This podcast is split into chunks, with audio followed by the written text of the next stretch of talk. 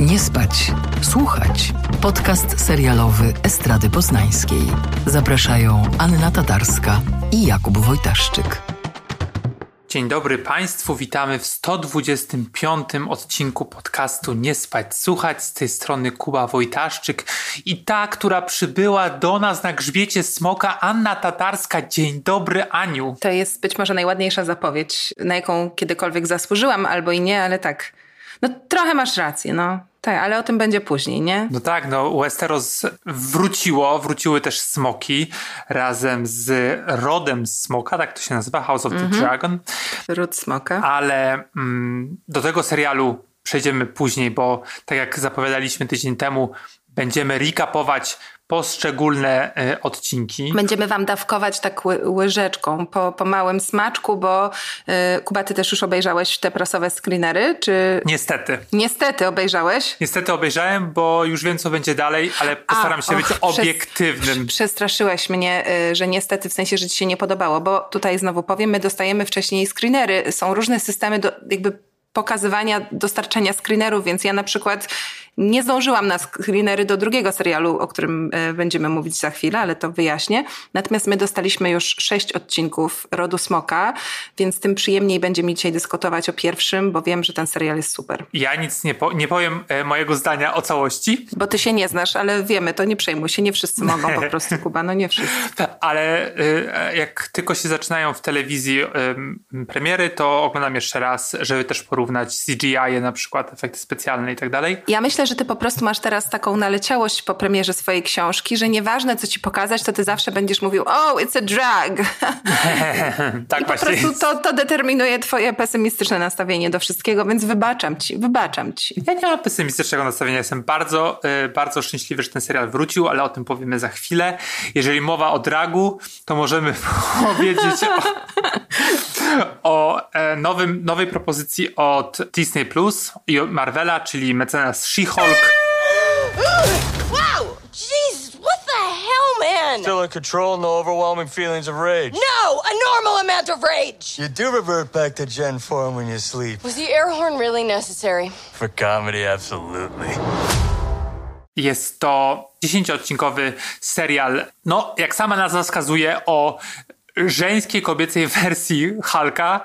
Powstał ten serial na podstawie komiksu, który zadebiutował w 1980 roku, to już trochę dawno temu. No i za stworzenie go na potrzeby właśnie Marvela i, e, i Disney Plusa e, odpowiada Jessica Gao, która ma między innymi na swoim koncie Rika i Mortiego, czyli taką bardzo popularną animację. Uwielbiam, jak jesteś taki przygotowany. E, wiesz co, bo powiem tak, ja mam z tym Disneyem e, i Marvelem duży problem ostatnio i bardzo dziwne było to, że na ten serial czekałem e, mega. A jeszcze wydaje mi się, że dwa miesiące temu nie miałem pojęcia, że ktoś taki jak She-Hulk istnieje. Ja też w ogóle nie wiedziałam, że jest taka bohaterka, dlatego że jak już zdradziłam pewnie wielokrotnie wcześniej, fanką Marvela, taką umiarkowaną, stałam się właściwie dopiero w ramach pracy, kiedy, kiedy musiałam zacząć te filmy recenzować.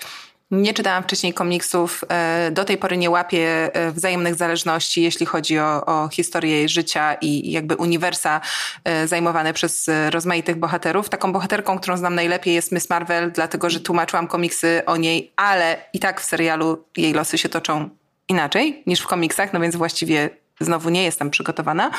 No ale dla takiej, e, wiesz, lewackiej feministki jak ja, to, to no, zapowiedź She-Hulk brzmiała bardzo interesująco.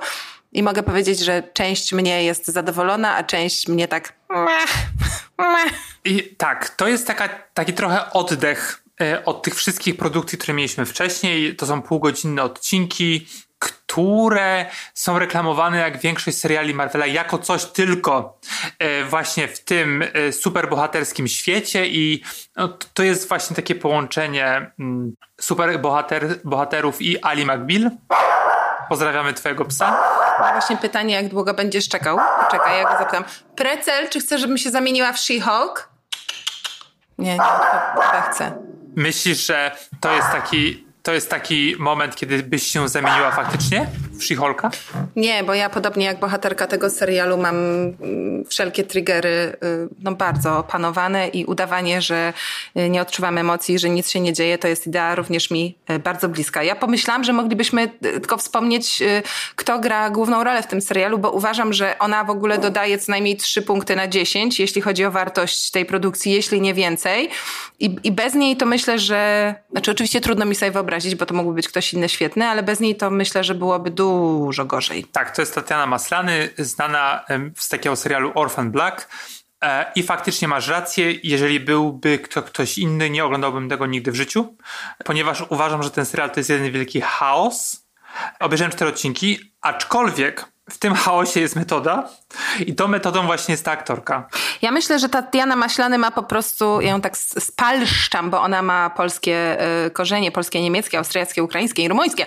A! Y, ona ma doświadczenie w graniu y, wielu postaci w jednej w pewnym sensie, bo, y, bo właśnie w Orphan Black y, grała główną bohaterkę i jej klony, których było chyba siedem w ogóle, czy osiem, nie, więcej, z dziesięć, już nie pamiętam, przepraszam.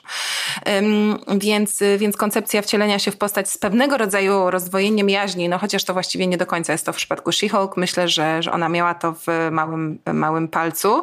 I bardzo fajne jest to, że wnosi do tej postaci taką normalność. She-Hulk nie jest bohaterką z jakiegoś um, oderwanego od rzeczywistości um, uniwersum, tylko um, to jej zmieniające się muskularne zielone ciało właściwie można potraktować jako pewnego rodzaju um, metaforę czy też, czy też kostium. Powiemy od czego się zaczyna y, serial i w ogóle czym się różni She-Hulk od Hulka.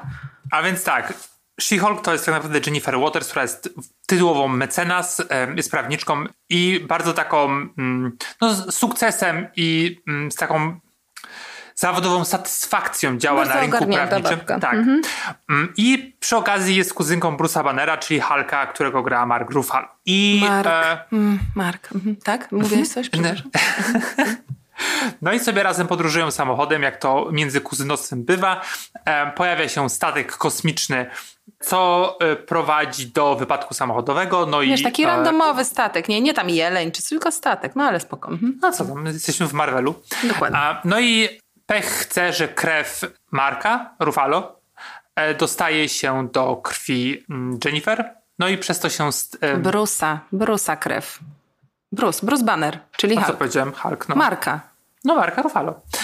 E, I, e, no i tak się właśnie tw- e, rodzi She-Hulk. W komiksie jest trochę inaczej, ponieważ jest tam transfuzja krwi, więc to jest bardziej skomplikowane. Tutaj faktycznie to się wszystko dzieje przy okazji. No i trochę dostajemy w tym pierwszym odcinku taką origin story, czyli znowu, znowu, znowu opowie- jest opowieść o tym, jak to tworzy się superbohater. I to jest bardzo fajne, bo w sensie ten origin story jest średnie, ale fajne jest to, jak radzi sobie z tym Tatiana Mas- Maślany, czy, tudzież Jennifer Waters, ponieważ jest zburzenie tej czwartej ściany, czyli ona często mówi do nas, do, do widzów, widzek e, i opowiada swoją historię z takim właśnie przymrużeniem oka. I faktycznie fajne jest to z takiego punktu widzenia feministycznego, pop-feministycznego, że tak jak trochę już zagaiłaś, e, ona mm, nie ma problemów z kontrolowaniem złości, może się zmieniać z Hulka, z She-Hulka w swoją ludzką postać bez problemu, ponieważ jako kobieta w społeczeństwie patriarchalnym e, jest tego po prostu nauczona. Taki zabawny początkowy wątek, że okazuje się, że Bruce, Bruce Banner, który mieszka na tej jakiejś mm, odległej od cywilizacji wyspie już od jakiegoś czasu właśnie, żeby no, móc po pierwsze wykonywać swoje jakieś tam za, za, zadania y, superbohaterskie, ale też po prostu żyć z dala od społeczeństwa i nikomu nie grozić. Ma taki cały w ogóle zeszycik y, z, spisywany jako pamiętnik, który chce jej pokazać jako poradnik, jak sobie radzić i on szacuje, że no, względne opanowanie tej, tej nowej dyspozycji zajmie jej co najmniej 15 lat, po czym się okazuje, że ona właściwie w przeciągu 30 minut y, wszystko ma y, rozkminione, ponieważ, tak jak powiedziałeś, nie ma problemu z y, panowaniem nad emocjami i z tym, że nie ulega gniewowi. Tak, no jakby największym problemem Brusa jest to, że on po prostu, kiedy nadchodzi fala y, tego silnego uczucia, on nie jest w stanie jakby wejść w wystarczająco głęboki kontakt ze swoimi emocjami, żeby autentycznie to opanować, więc jakby transformacja jest w pewnym sensie poza nim. Dlatego też poza nim jest wyjście z tej postaci i tam zresztą mówi, że kiedyś był Hulkiem przez dwa lata, tak? A ona to robi właściwie na kliki, ma nad tym pełną kontrolę, ponieważ y, jest tak jakby wychowana przez społeczeństwo i jeszcze dodatkowo przez swój zawód i bycie kobietą w tym zawodzie, że po prostu fake it till you make it, no i, i, i musi umieć, umieć tę taką e, spokojną, e, wyważoną, nieco zdystansowaną maskę zakładać po prostu na pstryk, ponieważ no to jest slogan i być może pod tym względem ten serial jest taki trochę zbyt woke, ale nie mam mu tego za złe, że jeśli by pokazała ślad emocji, to wszyscy jej powiedzą, że jest niekompetentna, że jest historyczna, podważaliby jej kompetencje. No natychmiast miałaby, jakby byłaby zdyskredytowana zawodowa, a praca jest dla niej bardzo ważna. W związku z tym y, cały niesamowicie heroiczny po prostu trening i walka Brusa jest, obraca się w niej wecz i jest tutaj wyśmiana. To, czego mi brakuje e, w Marvelu najczęściej, to to, że po prostu nie wychodzimy poza, poza superbohaterów, superbohaterki. Nie wiemy, jak wygląda tak naprawdę rzeczywistość i jak ona na nie wpływa. Tutaj mamy trochę taką możliwość, ponieważ um, przynajmniej założeniu i, i jest to raczej realizowane w kolejnych odcinkach. She-Hulk jako prawniczka będzie mm, zajmować się superbohaterami i superbohaterkami i ich problemami e, i tym, że oni muszą, wiesz, na przykład niszczą miasto, e, no i trzeba sobie z tym poradzić i ktoś na przykład wytacza proces. To jest dosyć interesujące. Jednak jednocześnie, mm, jednocześnie She-Hulk nie chce być superbohaterką i nawet jest taki bardzo fajny cytat, który ona mówi w pewnym momencie, że nie będę superbohaterką, bo to jest dla milionerów, narcyzów z jakiegoś powodu dla dorosłych sierot. No i to jest taki naprawdę jak na Marvela ironiczny wkręt, który się rzadko zdarza i takie puszczenie oka do widza, że my też czujemy taką, takiego bluesa ironicznego. Mhm. Wiesz co, mi się wydaje, że yy, problem z tym serialem jest y, taki, że on jest po prostu bardzo lekki i wyłącznie komediowy. Do tej pory w tych dużych y, kinowych y, produkcjach Marvela oczywiście ważne było to, żeby to było spektakularne, żeby były efekty, żeby były sceny walki, żeby było trochę humoru, ale to wszystko było tak wyważone, że musieliśmy być w stanie również uronić łezkę i zastanowić się nad kondycją świata i nie wiem, czy są inne rzeczywistości i czy jest coś po śmierci i, i tak dalej, i tak dalej. Taka, wiesz, metafizyka w e, komercyjnym papierku. No tutaj e, to jest po prostu bardzo lekuchny, nie jakby zaglądający w sfery egzystencjalne mm, serial, co może się podobać y, albo nie. Ja bym jeszcze wspomniała o, mm, o tej negatywnej reakcji. Nigdy nie wiem, jakie jest to polskie słowo na backlash, ale, czy też na bombing, bo to są dwie różne rzeczy, ale ten serial można powiedzieć, że padł ofiarą internetowej zemsty. To jest takie nowe zjawisko mm, w dzisiejszych czasach, kiedy pojawia się e, nowa produkcja, często dopiero jej pierwszy odcinek i z jakiegoś powodu coś w tym się jakiejś tam grupie nie podoba i jest to grupa taka na tyle aktywna w tych środowiskach internetowych, często są to po prostu tacy, no powiedzmy, notoryczni hejterzy, że uznają za zasadne zniszczyć w cudzysłowie tę produkcję, obniżając um, jej ocenę na wszelkich możliwych e, portalach, na przykład Rotten Tomatoes czy IMDb. Ofiarą tego padła e, Miss Marvel, no i ofiarą takiego bombingu bardzo aktywnego, yy, owocującego bardzo obniżoną oceną na IMDb, padła też właśnie She-Hulk. I tym takim punktem wyjścia do krytyki było właśnie ta wokeness serialu, czyli że jest on nadmiernie feministyczny i y, jakby przesadnie wybiela i pozytywnie wartościuje bohaterkę. I, i to się tam jakiejś grupie nie spodobało. No jakiej grupie? No kolesi po prostu między 20 a 35, 20-35 lat, którzy po prostu są y, ostatnimi szowinistami i najgorzej. Ja, ja, się zawsze dziwię takim reakcjom, bo y, wydaje mi się, że my się wszyscy wychowywaliśmy, y, mówię o ludziach też w wieku Tatiany Maślany, która jest rocznik 85, y, tak jak ja. I wychowaliśmy się na produkcjach, które były hiperprzegięcie męskie, w taki wręcz jakby kuriozalny, komiksowy, karykaturalny sposób. Oglądało się te po prostu Tarzany, Herkulesy, y, nawet y, serial o, jak ona się nazywa, Ksena, wojownicza księżniczka, też w pewnym sensie celebrował męskocentryczną, patriarchalną, opartą na sile kulturę, bo to był jeszcze ten model, że kobieta wygrywa, kiedy jest taka jak mężczyźni, musi dobrze grać w męską grę. Więc w pewnym sensie to, że teraz przechodzimy etap radykalnego odwrócenia y, tego porządku, w ogóle mnie nie dziwi. I jakby zastanawiam się, jak to jest, że tamto nie przeszkadzało tak bardzo, a to nagle tak przeszkadza. No to jest takie trochę śmieszne dla mnie. No bardzo śmieszne.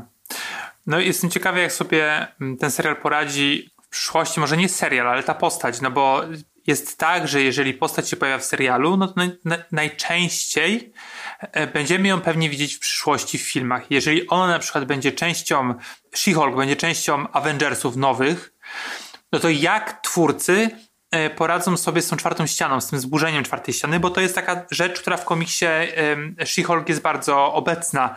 Wiesz, to może być dosyć ciekawe, że w pewnym momencie bohaterka odwróci się do nas e, na sali kinowej i coś powie, wiesz, co, co, trochę właśnie rozbije ten taki patos, który bardzo często Avengersom na przykład towarzyszy. Ja nie mam żadnych informacji na temat tego, czy She-Hulk e, dołączy do, do tego filmowego y, uniwersum i też jestem ciekawa, wydaje mi się, że ta bohaterka w pewnym sensie do tej przestrzeni nie pasuje, ale kto wie, po ostatnim torze, który był taki na maksa jajcarski, mam wrażenie zdecydowanie bardziej dowcipny i w ogóle oparty na dowcipie niż jakiekolwiek poprzednie produkcje, to to właściwie wszystkiego się możemy spodziewać. A ja sobie myślę, że mm, te kontrowersje wokół no, zbytne, e, jakby zbytniego wyemancypowania bohaterki i w ogóle całej fabuły są dobrym punktem do tego, żeby przejść do naszego drugiego tematu, bo tam ta wokeness, tu się ktoś mógłby zapalić, no to jest właściwie taka mm, wyśrubowana do granic możliwości, tylko póki co, tfu, tfu, jakoś nikomu to nie przeszkadza, bo i według mnie, ale to mam nadzieję, że zaraz to rozwiniemy, jest to absolutnie wiarygodnie, sensownie i no, w uzasadniony sposób osadzone w e, kontekście tej historii. No tak, no to przejdźmy, przejdźmy do smoku, przejdźmy do rodu smoków. It was clearer than a memory. And I heard the sound of thundering hooves, splintering shields and ringing swords. And I placed my heir upon the Iron Throne. And all the dragons roared as one. Najbardziej, najlepiej czy jak to powiedzieć, czy ten serial... Pobił no, rekordy, jeśli tak. chodzi o oglądalność y, wśród wszystkich produkcji HBO, Ever. Y, co jest y, no jakby symptomatyczne, bo mam wrażenie, że kiedy mm, rozhuśtywała się powoli ta promocyjna huśtawka Rodu Smoka, no to takie pytanie, zresztą pytanie, które też powracało w rozmowach z aktorami, to było, czy uważacie, że przybijecie sukces i tak dalej. To, że pierwszy odcinek Rodu Smoka obejrzał się tak, tak fantastycznie... 10 milionów. To jeszcze nie znaczy, że że Ród Smoka będzie większym sukcesem niż Gra o Tron. Gra o Tron jednak była produkowana przez, przez, przez dekady, do, do, doczekała się e, wielu, wielu sezonów, e, no i też wykreowała mm, gwiazdy, prawda, aktorów, którzy no, właściwie mam wrażenie, że częścią ich tej, tej scenicznej tożsamości na zawsze pozostaną grane przez nich postaci, więc nie wybiegajmy przez szereg, natomiast no na pewno to potwierdza dwie rzeczy, czyli że intuicja, żeby robić ten prequel była słuszna z tych komercyjnych względów, powiedzmy. No a te przychylne recenzje, mam wrażenie, płynące zarówno od fanów tej wyjściowej prozy George'a R. Martina, ale też tych fanów, którzy no, nie znają świata Westeros i jego zawiłości i po prostu oglądają to z przyjemnością, sugeruje, że zostało to zrobione dobrze, co było wyzwaniem, bo Gra o Tron debiutowała w 2010 roku, mamy teraz rok 2022. Na maksa dużo się w świecie zmieniło i w branży filmowej i jakby inkorporowanie tego w sposób e, nie wycierający tożsamości Westeros mam wrażenie, że to no, był twardy orzech do zgryzienia. Dobrze, że powiedziałeś, że recenzje są przychylne, bo to jest chyba dobre określenie. E, są takie, uznałbym je za takie bezpieczne, dające nadzieję na przyszłość, że te kolejne, mm, kolejny sezon e, będzie jeszcze lepszy. Mm, no ale okej, okay, to zagłębimy się w, w fabułę przenosimy się 170... Na samym początku to właściwie chyba się przenosimy 200, mi się wydaje prawie. I tylko powiedz mi, Kuba, jak się po polsku nazywa pierwszy odcinek? Bo ja jestem oczywiście okropna i sprawdziłam tylko po angielsku. Czy on się nazywa Dziedzice Smoka, Potomkowie Smoka? Możemy tak powiedzieć, nie mam pojęcia. Dobrze, to sprawdzimy w międzyczasie, a na razie mów, mów, rekapituluj. Mam nadzieję, że sobie powypisywałeś, kto jest czyim wnukiem, synem No oczywiście. w której kolejności, bo to jest po prostu mm, łamigłówka. Aha, no i będą małe spoilery, więc y, jutro No. wychodzi drugi odcinek, więc generalnie możemy sobie na to pozwolić. Ale my celowo opowiadamy, mm, będziemy o tych odcinkach opowiadać nie w naszym odcinku przed premierą, tylko po premierze, bo zakładamy, że interesuje Was, mam nadzieję, nasze zdanie i nasze interpretacje na ten temat, ale no, będziemy zdradzać pewne twisty. Chcąc, nie chcąc, prawda? No, nie, nie polecamy słuchać y, odcinka podcastu, w którym mówimy o szóstym y, odcinku y, Rodu Smoka, jeśli ktoś jeszcze nie zaczął serialu. Dokładnie. Dzisiaj pierwszy. No dobrze, to najpierw odcinek zaczyna się od prologu. E, przenosimy się tak prawie 200 lat e, przed urodzinami Daenerys Targaryen, którą znamy z, z rodu Smoka, czyli bardzo dawno temu. Nie z rodu Smoka, tylko z Gry o Tron. No i obserwujemy mm, wybór nowego władcy zamiast Jaehaerys'a Targaryena, który jest takim starym królem, rządził, em, rządził Westeros 60 lat. Liczy sobie 103 lata bodajże, ma 10 smoków, ale nie ma syna. Tak, on jest nazywany mm, starym królem albo rozjemcą, co nie jest tutaj bez znaczenia. Tak, bo mm, no wtedy Westeros się faktycznie e, rozwinęło i wszyscy byli, wszyscy go kochali, ponieważ e, były lata porządku, wolności. No i okej, był... Ale wiesz, nie, przepraszam, jeszcze tylko dodam, bo ja jestem, muszę tutaj ten, że nigdy nie jest za dobrze, bo co prawda serial się zaczyna właśnie od, od tych jakby prób wyznaczenia następcy w, w obliczu nieobecności właśnie synów, którzy tam powymierali w międzyczasie, bo byli, ale jednak takim Taką pierwszą sceną, w ogóle najpierwszą jest y, spojrzenie na ruiny, to się chyba wymawia Harnehall, ja nie- zawsze się mylę. Czyli to jest trochę takie przypomnienie na zasadzie nie cieszcie się za bardzo. Tak. Wszystko kiedyś walnie. Więc jakby, a potem hop siup, wracamy. No tak, no bo nawet w e, Grze o Tron była, była mowa o tym, że mm, to Targaryenie, e, że nie wróg zewnętrzny rozwalił... Targaryenowie, Kuba. Dobra, tam.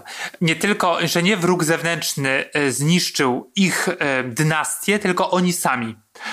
I to znamy z poprzedniej, znaczy z tego e, głównego tekstu źródłowego.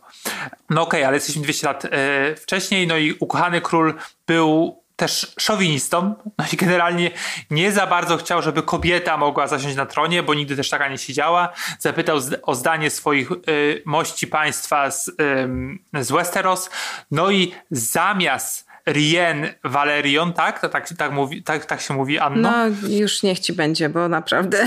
która była najstarszą w linii potomkinią Starego Króla. Wybrano e, Viserysa, e, w tej roli Paddy Konstantin. No i on zasiadł mm, na tronie, na tronie Westeros. A Rien została nazwana Queen Who Never Was, czyli niedoszłą królową. A, no i musiała obejść się smakiem. Mm, No i teraz przeskakujemy mm, trochę do przodu. Jest dziewiąty rok rzędów e, Viserysa. Mm, No i właśnie na 172 lata przed narodzinami Matki Smoków, czyli Daenerys. Wiesz co, no też y, może zaznaczmy tutaj, że mm, kiedy mm, e, król Jaehaerys I zastanawiał się nad tym, kogo wskazać jako swojego następcę, w tamtych czasach oczywiste było jeszcze to, że y, dziedzicem tronu zawsze musi być y, najstarszy syn, a jeśli nie ma najstarszego syna, to syn w ogóle. Stąd y, taką nowością powiedzmy były te napięcia między Viserysem a wydaje mi się, że ona się jednak nazywa Rhaenys, ale to, że tak powiem, pozostawmy to otwarte interp- do interpretacji, E, no ponieważ ona była jakby pierwsza w, w kolejce i też y, wskazywało wiele rzeczy, że bardziej mm, kompetentna, tak? Ale został wybrany on, mimo że był dalej, no bo był najstarszym mężczyzną. Potem y, no, Viserys już rządzi, jest y, związany od lat y, z tą samą kobietą. To też jest takie małżeństwo, że widać, że oni się dobrze dogadują, się kochają, ale też doskonale wiedzą, na czym ta gra zwana władzą polega. No i polega na tym, że trzeba natychmiast wycisnąć po prostu z pomiędzy nóg dziedzica płci męskiej i generalnie jest słabo, bo, bo Emma co prawda urodziła mu sporo dzieci, ale tak się składa, że tylko jedno dożyło mm, dorosłego, dorosłego wieku i jest to dziewczyna, Renyra. Chciałem tylko jeszcze dodać, Ty że... po prostu myślisz o Brienne Starsu cały czas. czas, ja wiem, to o to chodzi. O, kocham ją, no. No, widzisz, to wychodzi podświadomie. Chciałem powiedzieć, że Emma i Viserys, y, w książce przynajmniej, hajtnęli się jak ona miała lat 11. No ale tutaj jest sporo tego typu historii i zresztą do tego ten pierwszy odcinek się też odnosi, o tym za chwilę. Bardzo duża presja na nich ciąży, żeby był ten syn, co prowadzi do... No nie wiem, czy to prowadzi, tak, ale myślę, że ta, jakby ta presja na tym, że trzeba rodzić, rodzić, rodzić, póki się nie urodzi chłopak, no prowadzi do tragedii, tak, bo, bo jest tam dość wprost wspomniane, że królowa ma na koncie poronienia, że rodziły się dzieci martwe, dzieci, które nie przeżywały mm, zbyt długo. No to w dzisiejszych czasach, może nie w Polsce, ale na świecie mm, w wielu miejscach byłoby to jasne wskazanie do tego, że może pora przestać zachodzić w ciążę.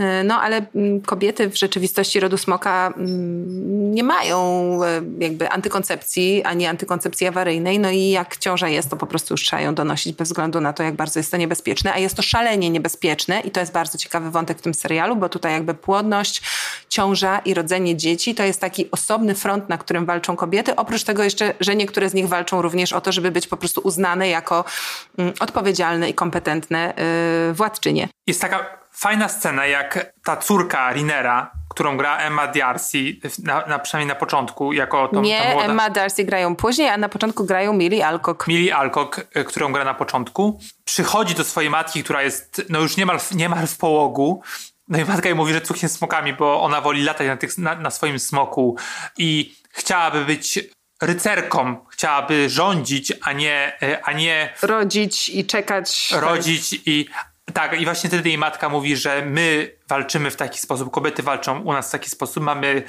królewskie macice, które trzeba wykorzystać.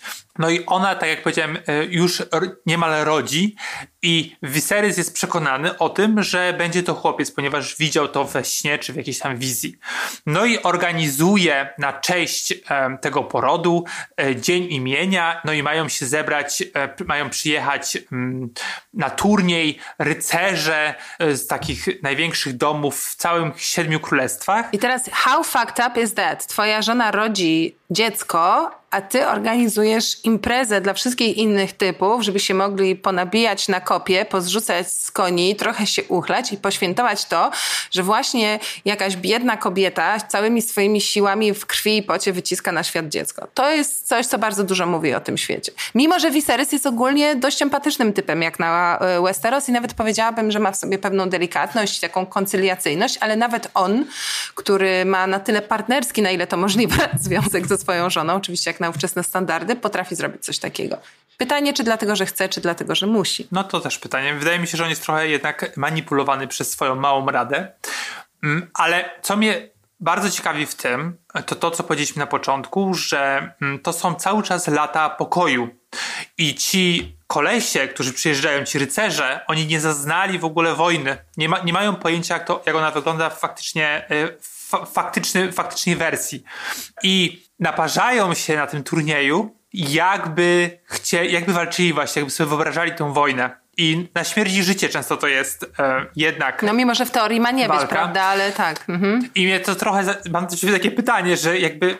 Że co, że jakby tak by pozwolono na śmierć tych możnych, możnych e, lordów, e, wiesz, na turnieju. Dla mnie to jest takie trochę no grubą, e, grubą krechą nakreślone. Nie, mi się, to, mi się to wydaje totalnie realistyczne, to znaczy na tyle realistyczne, na ile realistyczne może być fantazy, które się dzieje w nieistniejących czasach, w nieistniejącym miejscu, ale z psychologicznego punktu widzenia totalnie temu wierzę, bo to były czasy, w których się płodziło dużo dzieci, żeby były przecież na zapas do dziedziczenia, ale też umierania właśnie na froncie, czy, czy z chorób, czy tak dalej, więc wydaje mi się, że ważniejszy był honor yy, i udowodnienie siły yy, niż, yy, niż ocalenie własnego życia. Notabene bardzo zabawna jest ta scena, kiedy oni się biją na kopie, e, w trakcie której zresztą poznajemy, mm, poznajemy jednego z później dość istotnych bohaterów dla fabuły, czyli Sir Christona e, Cola, który no, po wygraniu jednej z takich utarczek e, staje się, jak to powiedzieć, przybocznym mm, księżniczki Ranyry ona musi sobie wybrać e, takiego jakby rycerza, który będzie ją chronił i właśnie wybiera jego, dlatego że on jako jedyny ma to doświadczenie na, e, na polu bitwy. Ale co chciałam powiedzieć, że bardzo zabawna jest ta scena, kiedy oni, oni e, no właśnie biorą udział w tym, w tym turnieju, bo dla mnie to jest trochę takie no właśnie tak jak powiedziałeś, faceci, którzy nigdy nie walczyli w wojnie, sobie teraz będą wyobrazić, że to jest wojna i jakby będą temu oddawać wszystko. To jest trochę tak jak jakby polscy w cudzysłowie narodowcy po prostu y, ryczący Polska walcząca na, y, na marszu 11 listopada. Ludzie, którzy w życiu nie widzieli wojny, nie mają zielonego pojęcia na czym to polega i jakie wybory moralne się wtedy podejmuje, jak się człowiek wtedy czuje i tak naprawdę pewnie nie wiedzą również, co to jest patriotyzm. No ale pójdą samczot drzeć ryja na ulicy i jeszcze pewnie sobie wytatuują najchętniej znaczek w jakimś jakimś e, widocznym miejscu. No taka samcza imprezka, to trochę to się to samo dzieje właśnie w Rodzie Smoka w tamtej scenie. No tak, no to może zamkniemy jeszcze, bo to jest bardzo fajnie zestawione z tym właśnie królewskim porodem, hmm. który jest, tutaj walczą faceci, a tutaj kobiety po prostu walczą o życie, o wszystko tak naprawdę. Mhm. E, no i ta śmierć królowej Emy no jest bardzo brutalna, ponieważ e, Viserys wybiera syna, a nie żonę bo, bo majster, czyli taki ten lekarz nadworny, mówi mu, że być może, być może ten syn, e, syn przeżyje. Hmm. I ta scena jest no, bardzo, bardzo brutalna. Oni robią po prostu cesarskie cięcie w czasach, kiedy cesarskie cięcie nie było jeszcze w żaden sposób metodą yy, opracowaną medycznie i też było wiadomo, że nie daje ono najmniejszych szans na przeżycie yy, kobiecie, tylko może być ewentualnie próbą jakąś obciążoną po prostu ogromnym ryzykiem wyciągnięcia na świat dziecka, które nie chce się, yy, nie chce się urodzić, tak żeby to dziecko się nie udosiło, żeby je wydobyć, żeby je wydobyć na świat. No i dla Viserysa ta świadomość, że bez syna nie ma, nie ma rodu, tak? i że to jest koniec, y, jakby zestawiona z perspektywą utraty żony, która to utrata jest właściwie pewna, tak? no bo ona nie urodzi, to też umrze. No, jakby nie, nie ten, to on się decyduje poświęcić ją, nie dać jej umrzeć naturalnie i zaryzykować, że, że to dziecko przeżyje, no co się nie udaje. I oczywiście ją kłamie przy okazji, mówiąc, że wszystko będzie w porządku. No i tak, no i ten syn, y, ten syn i ta żona umierają. I e, jest taki właśnie królewski pogrzeb zamiast świętowania. Mm, tutaj następuje taka e, ciekawa scena z właśnie z, e, z, z Rynerą, tak? I te imiona są za trudne, powinni mieć jakieś proste. Ranyra. Ja się musiałam nauczyć, bo ja robiłam wywiady z całą obsadą i po prostu musiałam wielokrotnie ćwiczyć, pamiętać kto gra kogo w młodszej, kto gra kogo w starszej, do kogo, do kogo jak się należy odnosić i tak dalej, i tak dalej, więc ja mam, akurat to mam e, przećwiczone. No. no i Ranyra mówi do swojego smoka Drakaris, czyli każe mu sionąć ogniem i podpala ten stos z, z jej bratem i z, z, matką. I to jest bardzo fajne nawiązanie do, do Daenerys, Daenerys. która również... Um, to powiedziałem, miałem, pamiętam na, na, tapecie w komputerze miałem akurat ten, ten kat z, z Grotron. I wiele jest takich momentów, kiedy widzimy Ranyrę no właśnie, widzimy w niej trochę Daenerys, widzimy w niej trochę Arya Stark, widzimy w niej te wszystkie kobiety, które w grze o tron e, faktycznie chciały być kimś innym niż matkami, niż żonami, niż takimi służkami dla swoich mężów. No i faktycznie jest tak, że, e, że Viserys idzie po rozum do głowy. Chociaż może właśnie okazuje się szaleńcem. Bo chcesz już powiedzieć o tym, co się dzieje na końcu odcinka. Tak, ale chciałem to po prostu zamknąć ten wątek i wrócić do innych jeszcze, no bo ona, on faktycznie y, mianuje ją jako następczynię tronu. Co może grozić oczywiście y, wojnie domowej, E, mogą się, bo to jest pierwsza kobieta, byłaby pierwszą kobietą na tronie. Bardzo fajnie mu, mówili mi o tym e, różni aktorzy grający w serialu, którzy mówili o tym, że y, po prostu dla ludzi, którzy żyją w Westeros jest bardziej przerażające to, że będzie nimi rządziła kobieta, która osabia wszystko, co obce, inne, niepoznane i przerażające, niż, tak. że nie wiem, będzie wojna albo, albo bezkrólewie i że bardziej naturalnym wyborem dla nich byłoby na przykład y, właśnie obsadzenie jako y, króla Daemona, bo to jest tutaj największe wsparcie, czyli brata Viserysa, który jest, no przynajmniej na początku serialu, pozycjonowany trochę jak taki po prostu mm, szaleniec, szaleniec. Niezwykle brutalny, pozbawiony jakichkolwiek wartości, upajający się ideą władzy i że jakby dla nich bardziej logiczne byłoby, żeby on e, zasiadł na tronie, co jest właściwie gwarancją tego, że się wojna zacznie zaraz, niż fajna, sensowna, naprawdę rozsądna, mm, wykształcona, y, wykształcona dziewczyna, tylko ze względu na jej płeć. I ten wątek w ogóle kobiecy jest tutaj rozwijany też wielotorowo, bo inną istotną rzeczą w, w tym pierwszym odcinku, która no, jakoś tam jest potem też rozwijana, ale tutaj nic nie będę mówić, jest przyjaźń Renyry z Alicent Hightower, bo tutaj w ogóle w rodzie Smoka mamy trzy te takie dominujące, ważne rody. Są oczywiście Targaryenowie, są właśnie Hightowerowie. E, Z Hightowerów e, pochodzi doradca, ta ręka króla, tak? Namiestnik. Tak, namiestnik, przepraszam, którego gra e, Rhys Ifans i jakby cała, cała, cała jego rodzina. No i są jeszcze Walerianowie, Walerinowie, e, czyli to jest Rhaenys i, i- i ten cały ród właśnie z tej rodziny Queen That Never Was. No, więc ta przyjaźń dziewczyn jest tutaj niezwykle ważnym wątkiem.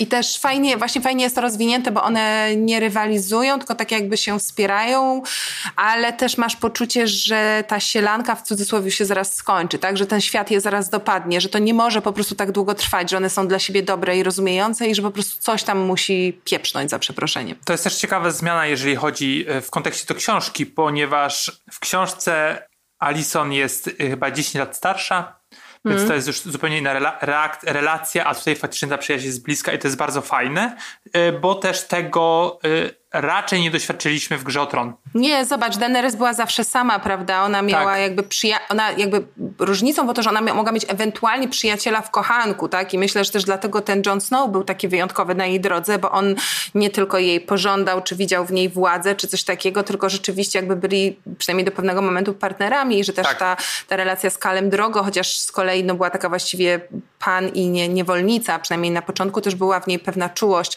ale absolutnie nie było tam mowy o tym, żeby kobiety się wzajemnie wspierały. Tam było tylko spiskowanie o to po prostu, która dostąpi zaszczytu bycia zapłodnioną przez jakiegoś po prostu właściwego pana, prawda? I wyścig po to, no. Tak. A tutaj y, jest y, bardzo mocno zarysowane i to jest y, ciekawe, zwłaszcza, że to się będzie super rozwijać w kolejnych odcinkach. No ale jest jeszcze wspomniany przez ciebie Damon, y, grany przez Mata Smitha i według mnie, znaczy przynajmniej ten pierwszy odcinek to jest y, jego odcinek, jest niesamowity, y, absolutny, absolutna gwiazda i em, on jest oczywiście znany nie, między innymi z Doktora Who czy z, z dwóch pierwszych sezonów y, Korony, Morbius, no, Morbius. I na pewno jest dla takiego widza nie do końca zorientowanego naj, największą gwiazdą tego serialu.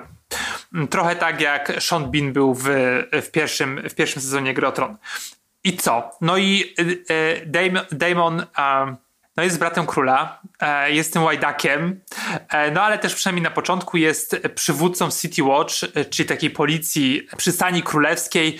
I to też jest ekstra nawiązanie o tym, o czym mówiliśmy przed chwilą, że ci kolesie po prostu są głodni przemocy, głodni walki, no i tuż przed tym turniejem idą w miasto i po prostu atakują e, rozbójników, No, tam się robi po prostu inba, tak? On myślę już wiedząc, że nie będzie mógł e, dostąpić zaszczytu bycia dziedzicem, co najprawdopodobniej przeczuwa, chociaż ma głębokie poczucie, że to powinno, ten zaszczyt powinien jemu przypaść, bo jest właśnie silny, głośny, bla, bla, bla.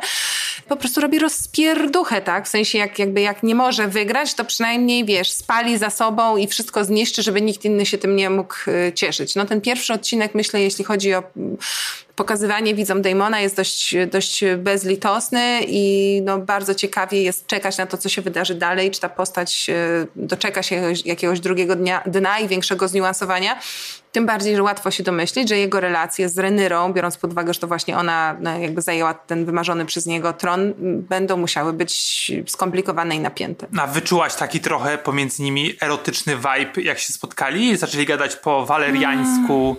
Tam było takie napięcie pomiędzy nimi. Wiesz co, mi się wydaje, że sama ta konwencja, że oni rozmawiają po waleriańsku właśnie i jakby to jest taki secret language, y, ona już w pewien sposób jest jakoś tam erotycznie nacechowana. Inna sprawa jest taka, że jakby Renyra, przynajmniej na początku, no jest taka bardzo niewinna, to znaczy też ona nie jest naiwna, to nie o to mi chodzi, tak, ale jakby myśli, ona jest dziewczyńska, tak, ona jest mądra, ona jest y, rezolutna, jest fajna, lubisz ją, tak? Y, Taka kapitalna dziewczyna, ale dziewczyna jeszcze. Ma w sobie coś takiego wręcz androgenicznego z początku, można byłoby y, powiedzieć. Więc to nie jest bohaterka, na którą patrzysz i myślisz sobie obiekt seksualny.